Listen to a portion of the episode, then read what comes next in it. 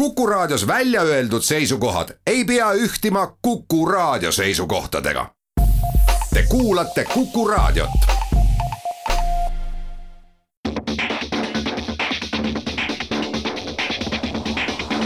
autotund.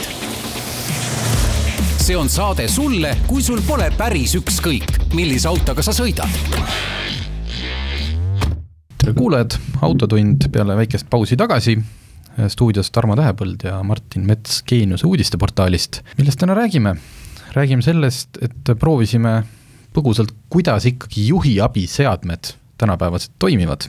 räägime veel natukene Tallinna linnaliiklusest ja juba kurikuulsaks saanud vasakpöördest Narva maantee Jõe tänava ristis.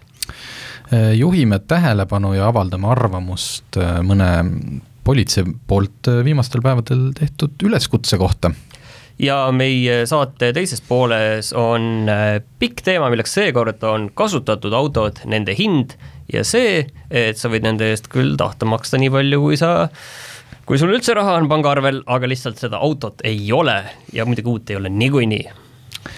vot nii, aga siis äh, mis meie nädalas juhtunud, tegelikult minu äh, nädala juhtumus on mitu nädalat tagasi, kui ma külastasin sõbralikku Gruusia vennasvabariiki või siis Georgia ja lihtsalt võtaks korraks läbi, et milline on sealne autokultuur.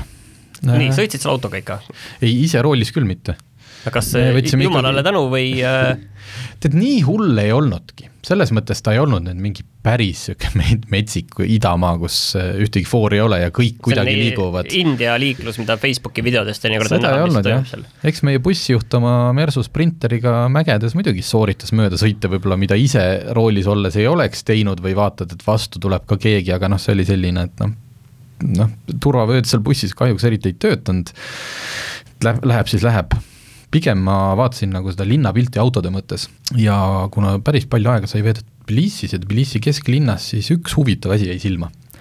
et kindlasti on ju sellistes riikides ka, et noh, Gruusia on teadupärast äh, meist ju vaesem riik, et ma saan aru, et see üldine autopark tänaval, no oligi kehvem, äh, aga mul ei jäänud silma absoluutselt seda noh, nii-öelda siis seda ühte protsenti, et seda erisust, et noh et kõik sõidavad mingite saanidega ja siis on hästi palju teisest otsast mingeid kahesaja tuhandesi musti Mercedeseid mm. -hmm. ühe hotelli ees nägin Mercedes Maybachi, mis võis olla vabalt ka, see oli hästi peen hotell, selle hotelli transferauto ja nägin ühte Porsche üheksa üks ühte selle, no tõesti, ma ikka Tbilisis äkki kokku oli mingi neli päeva, kõvasti sai ringi trambitud, et kas nüüd Gruusia sellised ülirikkad elavad kuskil nüüd sellel hetkel sooja ära läinud, sest et kohutavalt, kohutavalt kehv ilm oli täpselt meie reisi ajal. või on nad kuskil, ma ei tea, Batumis, et üldiselt äh, sellise autoinimesena oli võrdlemisi, võrdlemisi igav reis. aga see igapäevane liiklus nagu linnatänavatel, et äh, nagu Eestis, pole vahet, julgeksid, väga ei ole, jah. et kui tahad ise seal autoga ringi sõita, et äh, ütleme nii, et keskmine eestlane saab hakkama. julge, jaa, selles mõttes ei olnud traagiline, ummikud olid suured ja noh, ikkagi sattusime aeg-ajalt ka taksojuhi peale, kes seal on eraldi väga, väga lai rattatee oli seal põhimagistraali ääres ja aga noh, kuna ilm oli kehv ja rattureid umbes sama palju kui meil siin, et siis see taksojuht äh, ütles meile, oodake, ma kohe lähen ja läks sinna rattateele ja sõit kaks kilomeetrit, sest meil oli vaja kiiresti jõuda. aga hästi palju, vaadake, kui palju kasu on ikka laiadest rattateedest. just ja hästi palju oli Toyota Prioseid, mis sõitsid siis peamiselt taksot üks äh, lihtsalt, äh, ma ei saa seda kommentaari tegemata jätta, et, et sa rääkisid siin turvavööst, et äh, see on väga hea tähelepanek, et ma imestan, et et ei ole veel üles tõmmatud, käima tõmmatud Eesti avalikkuses seda saagi ikkagi, et kui äh, kui ahistav ja inimvabadusi selline piirav on oma olemuselt turvavöö. et, et miks pole sellist diskussiooni veel üles võetud, et vaba inimene, kas tõesti vaba inimene peab kasutama turvavööd või, või tõesti on see turvavöö tema enda jaoks? tead, aga ma arvan, et vabad, tõeliselt vabad inimesed ei kasutagi seda. no vot, eks ole. lihtsalt ei ole vahele jäänud. me siiski soovitame kasutada. nii, ja sina, sinu nädal mis sulle äh, silma jäi? minule jäi silma see, et, et täpselt siin ilmad on väljas muutunud koledaks, jalutasin just äh, siia stuudiosse kakskümmend minutit äh, riided on läbi märjad ja, ja nägin, kõrval oli veel selliseid Bolti tõukse ja ja, ja eks ikka midagi oli, aga ma ei võtnud, aga sellega seoses tegelikult lihtsalt, et ilmad lähevad kehvemaks, tundub, et ega rendiautodel avaldab ka see mõju, sest Citybee andis teada, et nemad selles mõttes see, mis nad teada andsid, oli muidugi nagu üks asi ja mis see tähendab, on just nagu teine asi, et nad andsid teada see, et nad sulgevad Tartu parkimistsoonid mm. -hmm. et mis see sisuliselt tähendab, on siis see, on ju, et nad panevad Tartu praegu linnana kinni, et tahad, sa võid sinna sõita, aga sa ei saa sinna autot jätta. et just. kui sa tahad Tartusse minna Tallinnast, siis sa võid sinna minna küll, aga sa pead selle autoga tagasi ka tulema jah, et see oli väga ilusti, ilusasse kastmisse pandud, et noh, et kuna suvehooaeg saab läbi ja huvi langemine ja kõik, et sisuliselt saime me teada, et ma saan aru, noh kaudselt, et võib-olla Kuressaare ja Pärnu on selline no ma ei tea, võib-olla Pärnu on tegelikult ju väga suur ja selline pikk linn, et ka seal võiks vaja minna. aga Tartu oma saja tuhande elaniku ja tudengitena, kellel oleks võib-olla täpselt see Citybee nagu hea variant, et noh, enda autot ei osta, aga aeg-ajalt on vaja minna, ma ei tea kaitsele väljasõidule ja Tartus tehti praegult suvelinn. vaata, mul tekib see küsimus, et okei okay,, ma saan väga hästi aru, et Bolt koristab need tõuksid ühel hetkel ära, sest nendega siin jää ja lumega ei sõida. mul küsimus, et kuidas ja miks tegelikult see puudutab rendiautosid mm? -hmm ei, ei, kas, kas Citybee viitsid talverehve alla panna autodele või okei okay,, need Tallinnas seavad alles, on ju, aga miks see mõjutab, aga, aga miks see mõjutab seda äh, seda, et äh, ju siis lihtsalt mul on tunne, et see populaarsus on langenud, et siin ei saa nagu muud asja nagu ju olla, nõudlust ei, järelikult ei, äh, ei ole. minu pärast ja peame Bolti peaks, käest ka uurima seda, et kuida-. peaks jah küsima, et millal Bolt ikkagi siis aval-, ametlikult, nad ei ole Tartus ju veel, on? ei, ei tea. Igal juhul nad on äh, Pärnus ja, ja Kuressaares. minu arust on just seal... Tartus praegu tudeng on seal, ta ei taha autot osta, ta tahab nädalavahetusel sõita, ta tahab kuskil linna ühest otsast teise minna, et miks mitte aga.... ei no kas või Tallinnast Tartusse sõita, võtad neli, neli inimest peale, tuleb ju odavam kui rongi või bussiga. nii et kuulake ja käige meie sõnade järgi.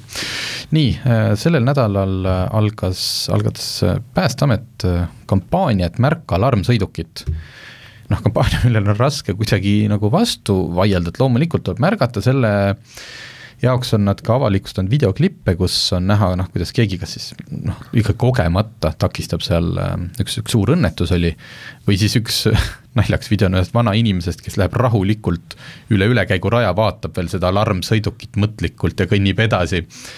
Noh, ei tea, mis selle inimese peas oli, aga mul on natuke selle, alati kui räägitakse nendest alarmsõidukitest ja kuidas juhid on hoolimatud ja keegi ei lase mööda, siis ma ei, noh, tegime siin turvavöönalja ja igasuguste asjade vastu võivad inimesed põhimõtteliselt nagu võidelda oma vabaduste ees. pagan, ma ei ole mitte ühtegi inimest kuulnud ja näinud kunagi isegi kommentaariumis, kes hakkaks, et mul on ka siin õigus sõita ja miks see tuletõrjeauto parem on, et sihuke huvitav kampaania. vot see on tegelikult see, et ütleme, et linnaliikluses on ju näed, et okei okay,, on, alati on mingid tegelased, on ju, kes, kes niiviisi süstivad vahele ja otsivad kohta, ei saa salata, kindlasti olen seda ka ja. ise teinud, on ju, aga, aga lihtsalt on ju, kes süstivad, otsivad seda paremat kohta, et saada foori ees enne kohale ja, ja saada esimesena minema ja need tüübid ka et kui, kui tuleb nüüd alarmsõiduk, siis ei, nad ei, nad ei lähe, et okei okay,, ma jõuan nüüd eh, kolm sekundit enne seda veel eest läbi lipsata, ei lähe, nad jäävad ka seisma. tegelikult, kui sa vaatad tegelikult liiklust, siis kõik tegelikult üldiselt jäävad seisma, et ma saan aru, et video peale on jäänud kindlasti mingid sellised markantsed, markantsed kohad on ju, kus tõesti keegi ei märka, ei kuule, ei pane tähele ja seda nagu, seda juhtub alati, on ju, selleks võib ükskõik mis kampaania teha, aga see nagu ei muuda seda, on ju, et kui sa lihtsalt nagu ei, ei taju seda, et okei okay,, see alarmsõiduk tuleb si-, sinna, kus sina oled. sest nad räägivad, et noh, et iga sekund loeb ja see ongi kõik õige ja loebki, aga teisalt on see, et mina ei taha seda sekundit anda selle arvelt, et ma teen mingi järsu, ma isegi ei ole veel, ma kuulen sireeni, võib-olla silmanurgas mingi vilku, et mul on vaja ümbrust hinnata mm. -hmm. tõmbad, kus on, kus on teised ära, autod, kus et... on liiklus, mis toimub, kust see auto tuleb ja siis noh, see ongi see üks kuni viis sekundit, mis ma võib-olla mõtlen, mis ma üldse praegu teha saan et nagu et sellega ei põhjusta tõmb-, enda tõmblemisega jah, ei põhjusta, kõige hullem asi üldse, mida liikluses teha saad, on järsku ilma ümber vaatamata hakata tõmblema, on ju. et ma tahaks jah, et selle kampaania tulemus ei oleks see, et inimesed, kes nüüd noh, nii ära hirmutatud nendest videodest nagu nii kui vilkurid kuulevad, tõmbavad kuskile esimesse kohta ja siis tuleb juba teine vilkur nende järgi ka. Hmm.. et mõistlikult, mõistlikult, aga teeme siia väikse pausi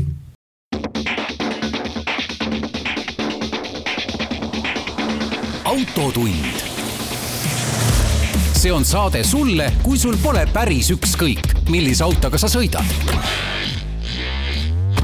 autotund tagasi, stuudios Martin Mets, Tarmo Tähepõld Geenius uudisteportaalist äh, ja samast, äh, natukene samast asjast et üks teine selgitus, mida politsei oli sunnitud see nädal või siis tahtis jagada, oli see, et aeg-ajalt saab häirekeskus kõnesid, kus kaevatakse ja kaevatakse politsei peale sõidavad liiga kiiresti, sõitis minust mööda, polnud vilkurit.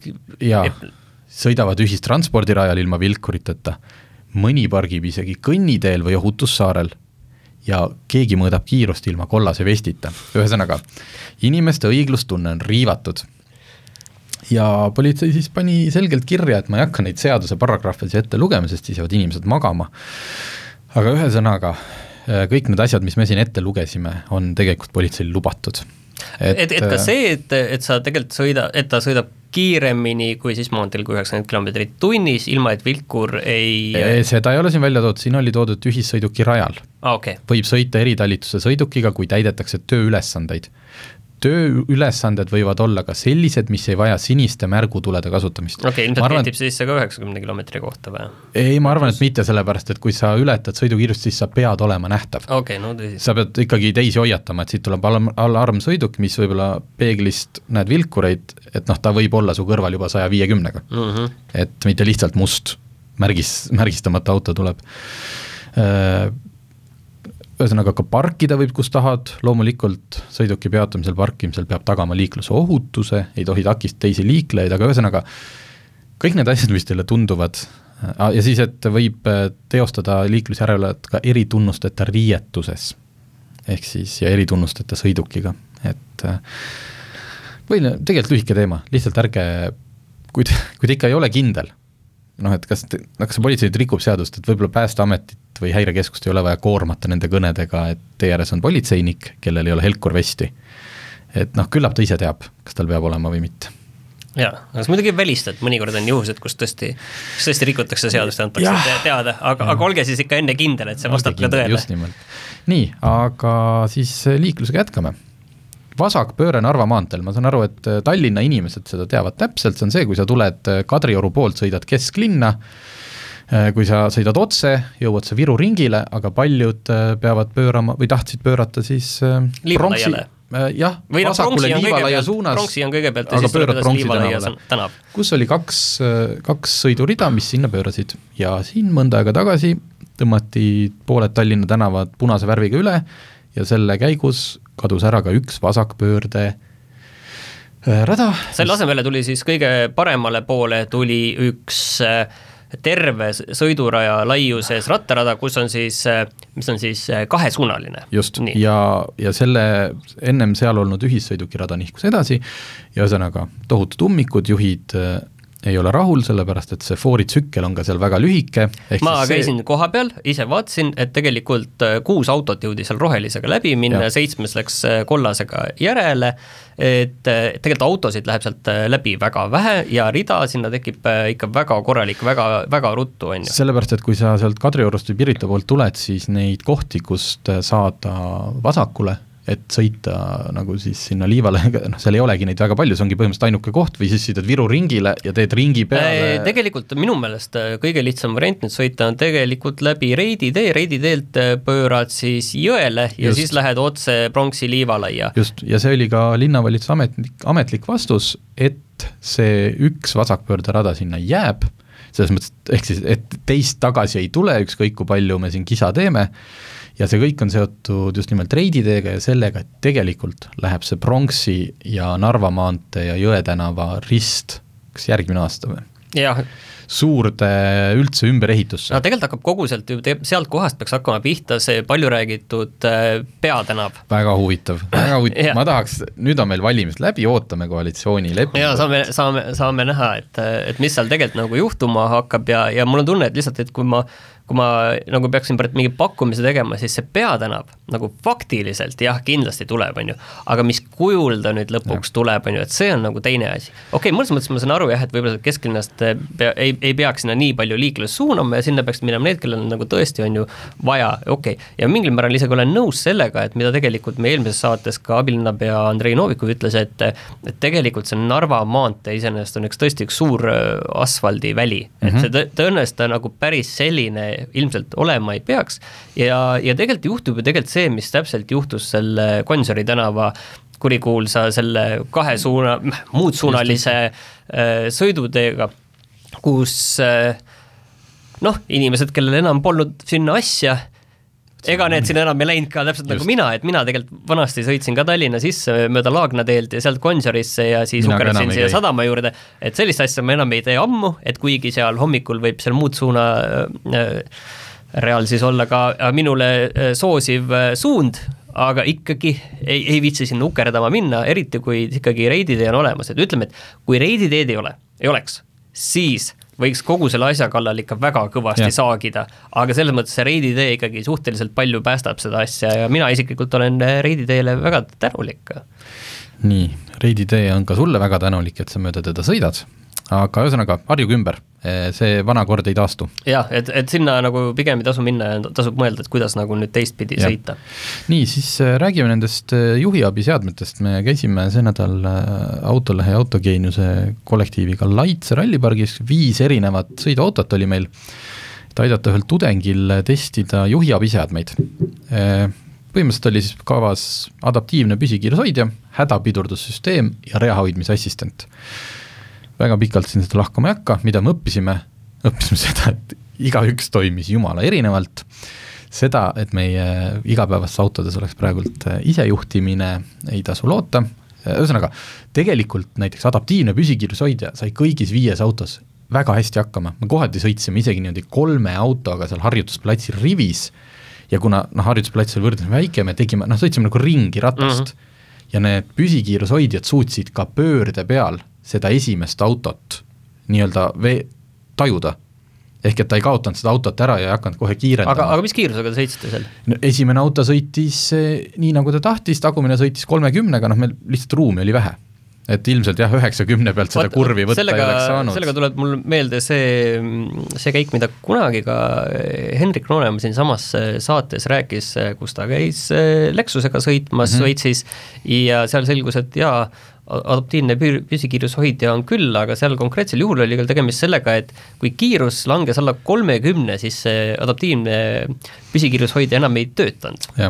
et kas see, et ma just mõtlesin, et kuidas see ei, praegu? Need tänapäevast katsetasime ka seda, et kui esimene auto jääb seisma, siis kõik nende viie auto adaptiivsed püsikiirushoidjad olid sellised, et need autod jäid ka seisma uh. -huh.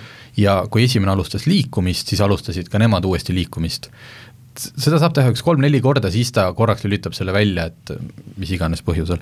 küll aga oli huvitav, oli see hädapidurdussüsteem, äh, mis oli meile õppetund selles mõttes, et loe ennem kasutusjuhendit.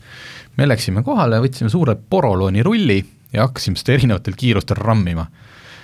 ütleme, see poro-, porolooni rull sai ikka kõvasti auto alla jääda, sest mitte ükski viiest autost ei näinud seda absoluutselt mitte mingi takistusena. aga miks? sellepärast, et kõik need äh, hädapidurdussüsteemid on häälestatud auto või jalakäija peale. see peab olema tema jaoks äratuntav. peaks olema, poroloni rull peaks olema inimese kujuga või? see peaks olema, see, see, millele sa proovid otsa sõita, peaks olema meenutama seal ikkagi inimest ja Volvol oli seal, Volvo saatis meile veel täpse kirjelduse, et peab liiku-, natuke liikumist, õla, kuju, kõik peab olema äratuntav ja kassid, koerad, metskitsed, need kõik? jah, äh, metsloomad võivad äh, ilmselt mingites äh, asendites ka toimida, kui on peenem Oota, auto. kas Volvol oli mingi asi, et neil on ka mingi metslooma mingi tuvastu? jah, jah, et see ju on juba peen-, need on juba jah, peenemad need varustused, aga ma räägin sellest kohe natukene veel, teeme siia ühe pausi ja siis jätkame.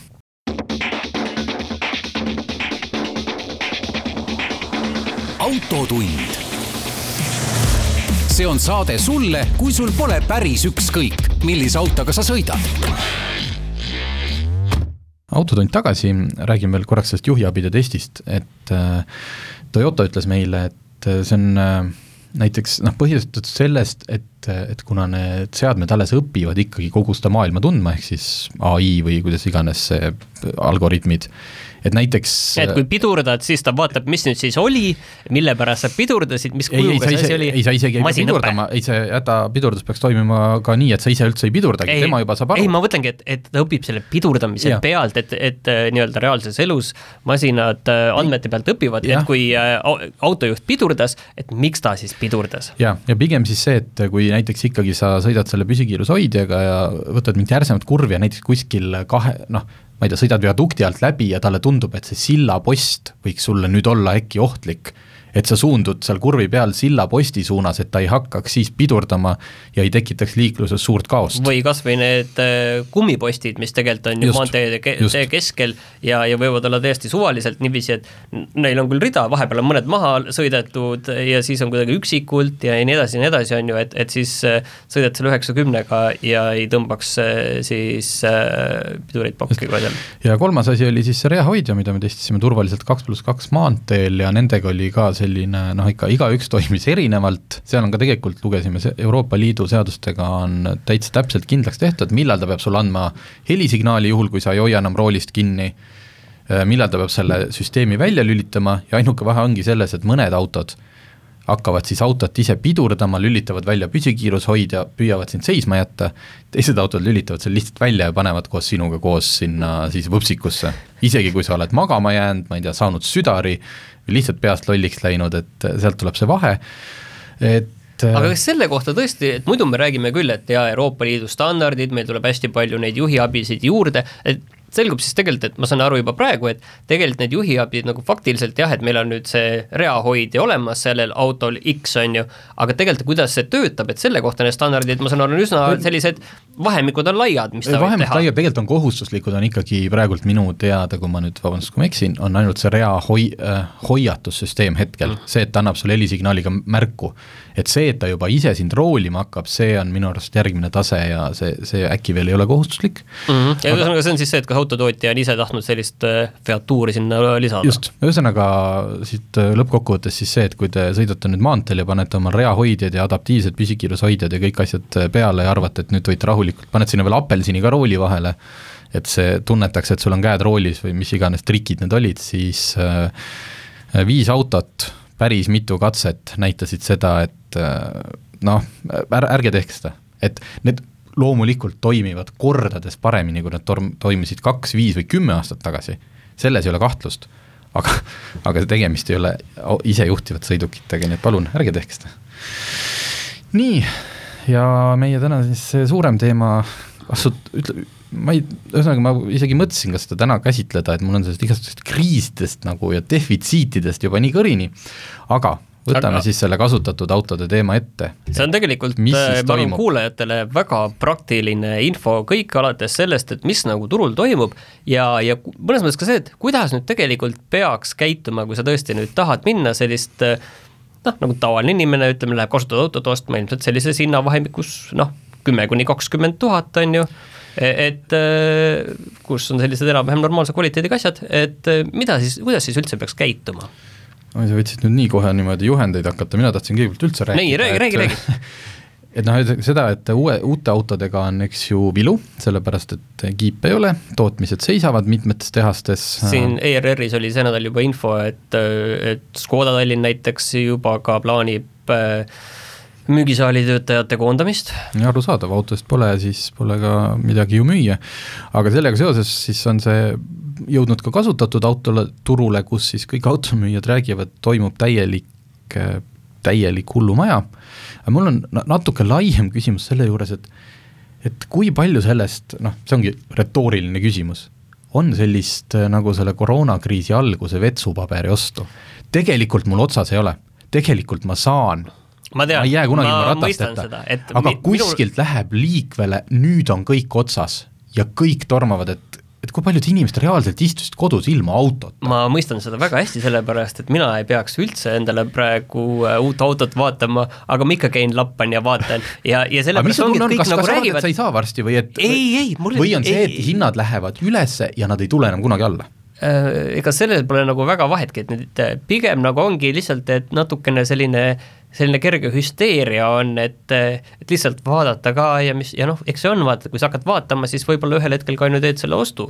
et, et see on selline asi, et kindlasti ta on veits ka selline tatrakriis jah, on ju, et sa ostad, tatarat eriti ei söö, aga, aga igaks juhuks ostan kakskümmend kilo kokku, on ju, et. sest et natukene seesama, et kõik tormavad selles, no selles hirmus nagu omale tellima ja ostma siis ähm, kolleeg Margus Pipar just siin enne saate algusest rääkis mulle, et ta on, teeb meil neid kasutatud autode lugusid ja siis selle raames kogu aeg kontrollib neid hindu ähm,. praegult ta on märganud, et autod, mille läbisõit, no ütleme, mõned aastad vanad autod, läbisõit viiskümmend kuni seitsekümmend tuhat, et nende eest küsitakse sama hinda, mis nad olid uuena. et see, et see asi on nagu nagu uuena, nagu uuena. Viiskümmend tuhat, seitsekümmend läbi sõitnud ja sama ütles ka, see oli vist Silver Avamaa, äh, mobile.ee, kes toob Saksamaalt siis, äh, saad tellimuse peale autosid, toob sulle, ütles, et äh, kui noh, piltlikult, et kui ta saaks kõik autod, mis ta see aasta on müünud, sama hinnaga, ta oleks nõus, no teoreetiliselt nõus mm. tagasi ostma, mis ta müüs, ja ta saaks need müüa kallimalt edasi praegult mm. -hmm. et nagu noh, et see kerib nagu nii hullusti, et äh, üks teine automüüja, kes ta oli Scout kahekümne neljast, rääkis mulle, et äh, et kui noh, siiamaani temalt telliti ikka rohkem, kaks tuhat kaheksateist, kaks tuhat üheksateist sellised äh, natukene vähe kasutatud luksuslikumad autod, noh, põhimõtteliselt me räägime sellest salongist väljasõitmise kulu on keegi enda kanda võtnud ja siis siit on hea neid tellida, et need on hakanud, lisaks nendele on hakanud inimesed tellima ka niisugune kaks tuhat viisteist, kaks tuhat neliteist aasta autosid, mis on odavamad ja mille puhul siis on äh, tal noh, üks teooria ongi see, et lisaks sellele nii-öelda teat-, mingi pidi defitsiidile lisandus ka siia turule ju ometigi pensionifondi, pensioniraha mm. -hmm. mis seda veel kiirendas. jaa, aga enne veel ma tahtsin öelda seda ka, et minul on ka kahe tuhande viieteistkümnenda aasta auto, olen sõitnud sellega kolm pool aastat ja, ja sada kümme tuhat kilomeetrit ja ja, ja noh, ta veel päris seal ei ole, et ma saaksin selle praegu täna turul maha müüa sama hinnaga, millega ma ostsin, aga no ega me sellest nagu liiga kaugel ka ei ole, et see nagu illustreerib seda, seda hinnatõusu nagu tegelikult päris hästi. et okay. Ikkagi sada tuhat läheb juurde nagu äh, sada tuhat pluss läheb läbisõiduks nagu juurde ja noh, hind ikka kerkib sinna juurde lähedale juba praegu, et, et okei okay,, seal paar tuhat jääb veel sinna varu, aga noh, paari tuhande eest ütleme nii, et kolm pool aastat sõita, et see oleks päris hea, mis oleks ilgelt hea diil ju, et ma vahetaksin välja, lihtsalt probleem on selles, et äh, jah, et kui ma tahaksin midagi uut ja võib-olla see natuke paremat tasemele, siis selle eest ma peaksin veel, veel noh, lineaarselt veel palju rohkem maksma, et, et ta ei ole nagu mõistlik ikkagi jah, siin on toodud äh, mõned näited, eks ju, kui keegi ütles, et kui ta kevadel lootis oma Superbi eest saada näiteks viisteist tuhat, kaks tuhat kuusteist aasta, viisteist tuhat eurot, siis praegult noh, vähemalt seitseteist tuhat võiks küsida.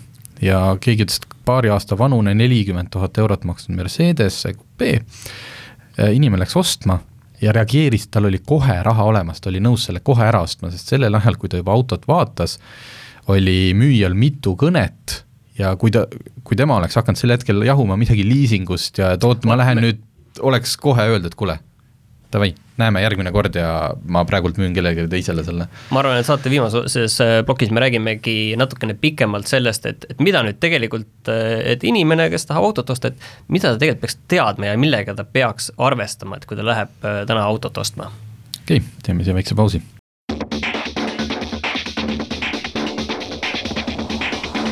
autotund. See on saade sulle, kui sul pole päris ükskõik, millise autoga sa sõidad. autotund tagasi, lahkame siis seda huvitavat kriisi, mis toimub kasutatud autode turul. inimesed käivad sularahaga autot ostma, ütleb näiteks Nordauto meile ma isegi ei tea, miks peab inimene tänapäeval sularahaga autot ostma, okei okay,, ma saan aru, et liisinguga sa ei viitsi seal jahmerdada, et aga kui sa ütled müügimehele, et ma ei tea, kirjutame ostu-müügilepingule alla, ma kannan üle, et miks, miks see sularaha seal vahepeal peab veel olema, et niisugune mõnus üheksa, üheksakümnendate mul, minul on tunne, et see on ikkagi konkreetselt sellest, et tead, ma, mul on nüüd see raha siin olemas, ma isegi ei pea mingi ülekandega tegelema, vaid see raha on, et palun siin ja ma tahaks seda autot kohe, et siin tegelikult võib-olla ongi üks väga praktiline asi tegelikult see, et et väga raske ilmselt on mingit nõutud autot täna osta, osta liisinguga, et probleem on lihtsalt selles, et et selle liisingu aja peale te, sellega tegelemise peale kulub mingi aeg, on ju, et kui hästi läheb, tegelikult on see ja kui sa hakkad sellega tegelema nagu enne seda, kui sa lähed tegelikult autot vaatama, on ju, Mhm. et, et ja enne teed taotluse ära lihtsalt, et pigem see ongi see, et enne kui lähed seda autot vaatama, tahad liisingusse võtta, siis tee see taotlus juba enne ära, saa see positiivne otsus, et siis, siis jääb nagu väga vähe aega selleks. et siis, kui sa lähed seda autot vaatama, okei okay,, istud seal kõrval, sõidad ja, ja siis pärast, okei okay,, ma nüüd õhtul helistan liisingusse ja vaatan seda asja, et siis see auto on ilmselt juba läinud ammu, on ju. et, et kui on võimalik, siis muidugi jah, tasubki kohe nagu täissumma ära maksta, aga, aga kui liisingusse võtta, siis tasuks nagu sellega tegelema hakata, noh, et kõik oleks võimalikult valmis juba selleks hetkeks, tegelikult kui sa lähed seda autot vaatama, sest noh, see liisingu taotlus ja positiivne vastus ja kõik see, see noh, ei kohusta sind tegelikult ju veel millekski, on ju. sa võid sellele alati, ma olen ise ka seda teinud, et sa võid alati öelda, et ei, tänan, ma ikkagi ei soovi seda või see auto läks ära või noh, ükskõik, seal pole nagu vahet, on ju, mis see põhjus on, miks see, miks see liisingutehing nagu katki jääb ja see ei, ei tohiks nagu sinule maksta nagu mitte midagi. et maksab alles siis ju, kui, kui liisingulepingu reaalselt ära sõlmid. Jah et äh, mis, äh, noh, mis teine nõu on äh, meie sellesama teema alguses, ma ikkagi ütleks, et, et tegelikult ei ole ju mõtet paanitseda, sest et autod ei ole maailmast otsas.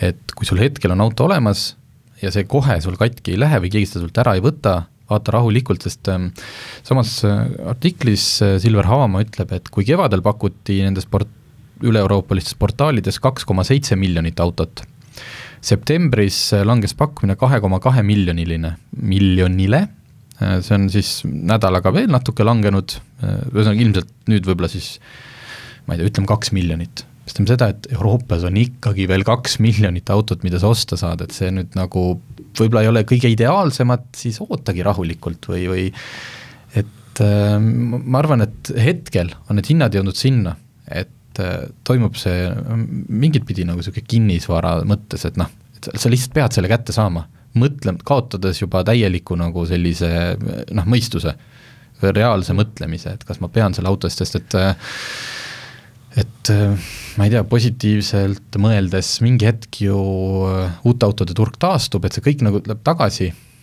ja, ja nagu, nagu öeldakse, on ju, et see, see turg on ju kindlasti mingi hetk on ju stabiliseerub ja, ja üsna kindel on, on ju see, et arvestades ka kõikide muude hindade tõusu, et ta kindlasti ei stabiliseeru nüüd samale tasemele, mis ta varem oli, et ta, ta stabiliseerub kindlasti nagu kõrgemale tasemele ja siis et noh kui kõrgele, selles on, on ju veel see küsimus, aga üks mõte tegelikult, mis mul on, on ju, on see, et, et ega auto müümiseks on ikkagi ju praegu suurepärane aeg, on ju. on, lihtsalt sa ei saa midagi asemele, et kui sul mitu tükki seisab, siis müü muidugi. ma just tahtsingi sinna jõuda, et, et kui ikkagi keegi on mõelnud, et, et meil on peres nagu kaks autot ja kas see teise, teine auto ikkagi nagu üheksakümmend üheksa protsenti ajast näiteks seisab ja kas sellel on nagu mõtet, siis praegu selle teise auto müümiseks on kindlasti nagu suurepärane suurepärane aeg mm. -hmm. et see on kindlasti asi, mille peale, mille peale tasuks äh, mõelda ja see, kui me oleme siin äh, teinud ka paar katset, et äh, kui palju autot ostes, siis noh,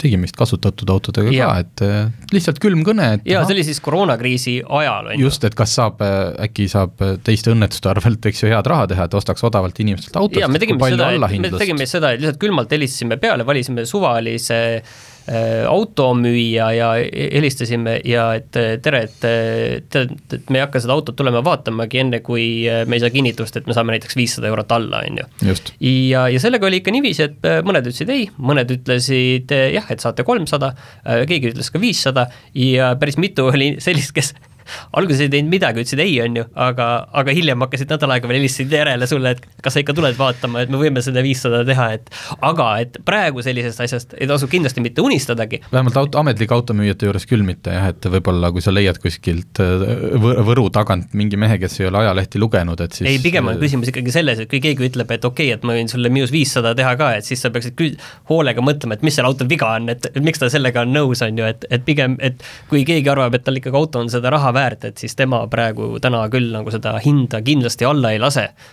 et, et, et tegelikult ongi see, et, et, et seda, et küsitakse sellist kümme protsenti alla, et seda pidavat ikkagi veel päris palju olema, et et need autoostjad ei ole veel päris kursis sellega, et see, see turg on niiviisi muutunud.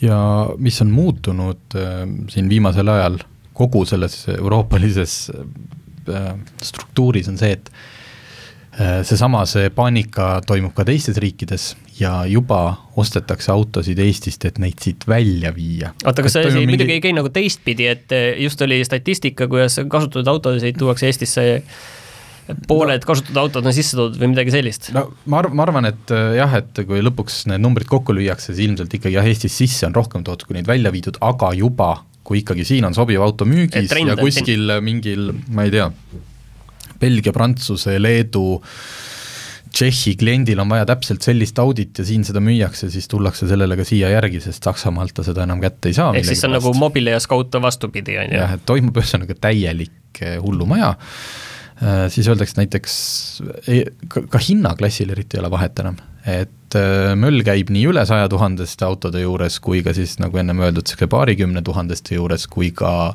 tegelikult ka alla kümne tuhandeste autode puhul on see, et ma arvan, et seal on ikka kõige rohkem see pensioniraha mängus.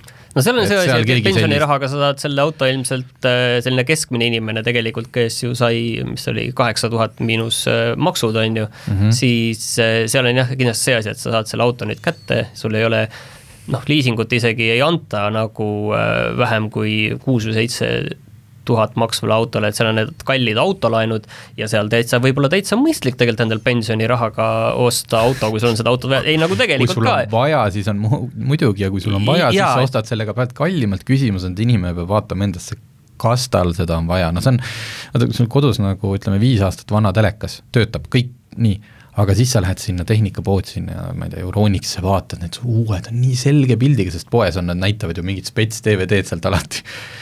mul on seda uut telekat vaja, aga kas on?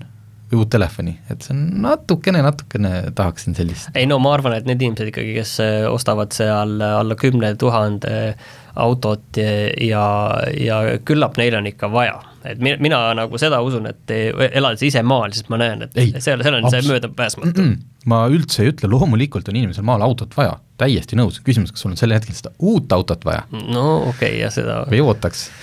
nii, aga kuna me oleme ikkagi rääkinud selles saates igast jamadest, siis tegelikult meil oli üks teema, mis meil ennem jäi uudiste osas vahele ja oleks tore siia lõppu ära rääkida. et nüüd saab kassipilti tellida ka oma autole, õigemini küll äh, mopeed, mopeedautole. Citroen Ami, mis on selle aasta üks meie lemmikuid äh, sõidukeid, ta on küll, võib sõita ainult kuni nelikümmend viis kilomeetrit tunnis äh,, mopeed, põhimõtteliselt elektriline mopeed, hästi nunnu välimusega, siis äh, nüüd pakub teenust, et äh, et sa saad ise oma auto ära kujundada et seal on tehasel mingid oma sellised mustrid, mille sa siis ostadki kas siis ühe kleepsu, kas ostad mõlemale uksele, kas ka juba esiotsa, mingi selline kuuskümmend üheksa kuni sada viiskümmend eurot, no lihtsalt mustrid. aga Prantsusmaal on juba avatud ka variant, mis hiljem peaks laienema mujale, et sa saad ikkagi ka päris oma mingid pildid sinna tellida mille, ütleme, praktiline väljund on see, et näiteks ostad oma, ma ei tea, kullerfilma mingile ettevõttele ma ei tea, kümme tsitronamiid, et nad oleks kõik ühesugused, paned sinna firma logod või asjad. et see tehakse juba tehases ära. aga siin on ka nii tore reklaampilt toodud, et on näidatud, et sa saad ka kassipildid oma autole kleepida nüüd saate lõpuks ma räägin veel ühe väga hea uudise, ma arvan, me hakkame iga saate lõpus seda väga head uudist väga hea kordama, niikaua, kuni me saame seda teha, et väga hea uudis on see, et bensiin üheksakümmend viis veel ei maksa üks koma seitse eurot liitri eest, et me hakkame seda iga nädal rääkima, et äh, sellise positiivsel toonil lõpetada niikaua, kuni me saame seda teha, et see, see nädal läks üheksakümmend viis juba üks koma viis kaheksa neli peale ja kuskil oli ka üks koma kuus juba tegelikult äh, Pärnumaal posti otsas, nii et äh, aga nii kui praegu on veel kõik väga hästi, tervitame kütusemüüjaid, kõik on hästi, et veel ei ole üks koma seitse. Kas ma võin kassipiltidega jätkata või sellepärast, et sa rikkusid ikkagi kõik ära. kui nüüd kellelgi tekkis küsimus, et kui palju selline kassipilt maksab ja tegelikult on ju varem saanud ka, et sa võid ju alati iga kell viia oma auto kuskile kiletamisesse ja lasta sinna mida iganes peale kleepida, siis see on lihtsalt selline mugav teenus, et sa nii-öelda seda sõidukit tellides juba saadad selle kujunduse, keegi teeb sulle selle valmis, et see täpselt sinna sobiks peale vist pead kleepima ise, mis on muidugi tobe, sellepärast et mina kleebiksin selle nii viltu, kui viltu veel olla saab. mul on tunne, et see uudis on lihtsalt äh, tulnud sellepärast, et muidu sellest autost ei ole väga suurt midagi rääkida. jah, aga see hind oleks sellisel juhul kakssada viiskümmend üheksa kuni kuussada üheksateist eurot. ja mina arvan, et mina telliks küll sinna ikkagi väga ägedaid pilte peale. no nii, selline see saade täna sai äh, palju õpetlikke lugusid, natuke vähe autouudiseid, äh, proovime järgmine nädal ennast parandada, lähme vahepeal sõidame päris äh, mitme erineva autoga ja siis võib-olla järgmine nädal olekski paslik teha vahelduseks natukene autojuttu ja proovisõidu. loodame, loodame, et vahepeal mitte midagi ei juhtu. vot nii, aga ilusat nädala lõppu teile!